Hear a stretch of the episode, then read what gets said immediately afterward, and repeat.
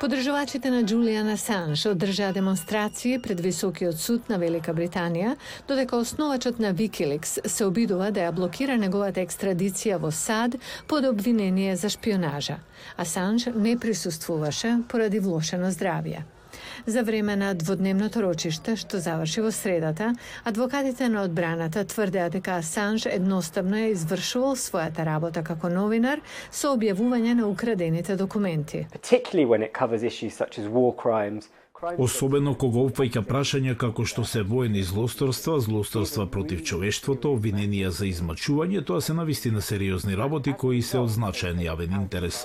Како резултат на тоа тие велат дека тоа е надвор од договорот за екстрадиција меѓу САД и Велика Британија. Вториот аргумент што го наведоа е дека ова е покриено со слободата на изразување. Асанж се соочува со 18 федерални обвиненија во САД во врска со наводите за хакирање и кражба на доверлив материјал.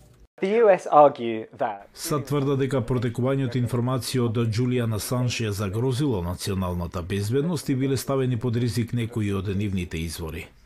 Во 2010 година Wikileaks објави низа украдени дипломатски телеграми поврзани со војните во Афганистан и Ирак, за кои Асанж рече дека откриваат злоупотреби од армијата на САД. Властите велат дека Асанж ги открил идентитетите на информаторите, загрозувајќи ги нивните животи.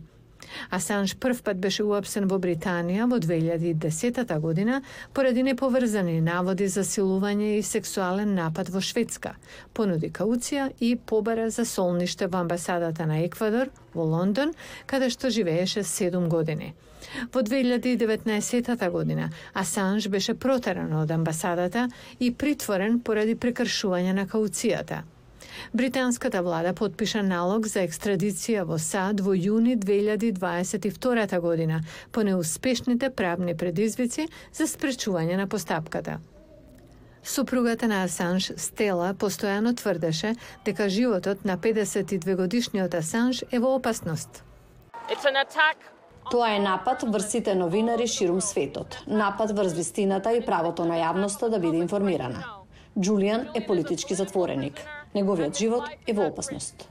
Демонстрации со повик за ослободување на Асанж се одржаа во многу градови ширум светот. Австралискиот парламент минатата недела повика на Асанж да му биде дозволено да се врати во својата татковина.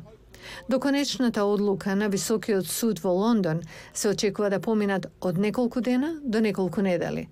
Доколку судиите пресудат во негова корист, Асанж би можел да поднесе жалба против неговата екстрадиција.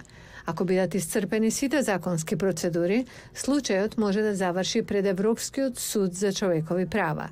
Сепак, Британија би можела да го екстрадира Асанж и пред европските суди да се произнесат за случајот.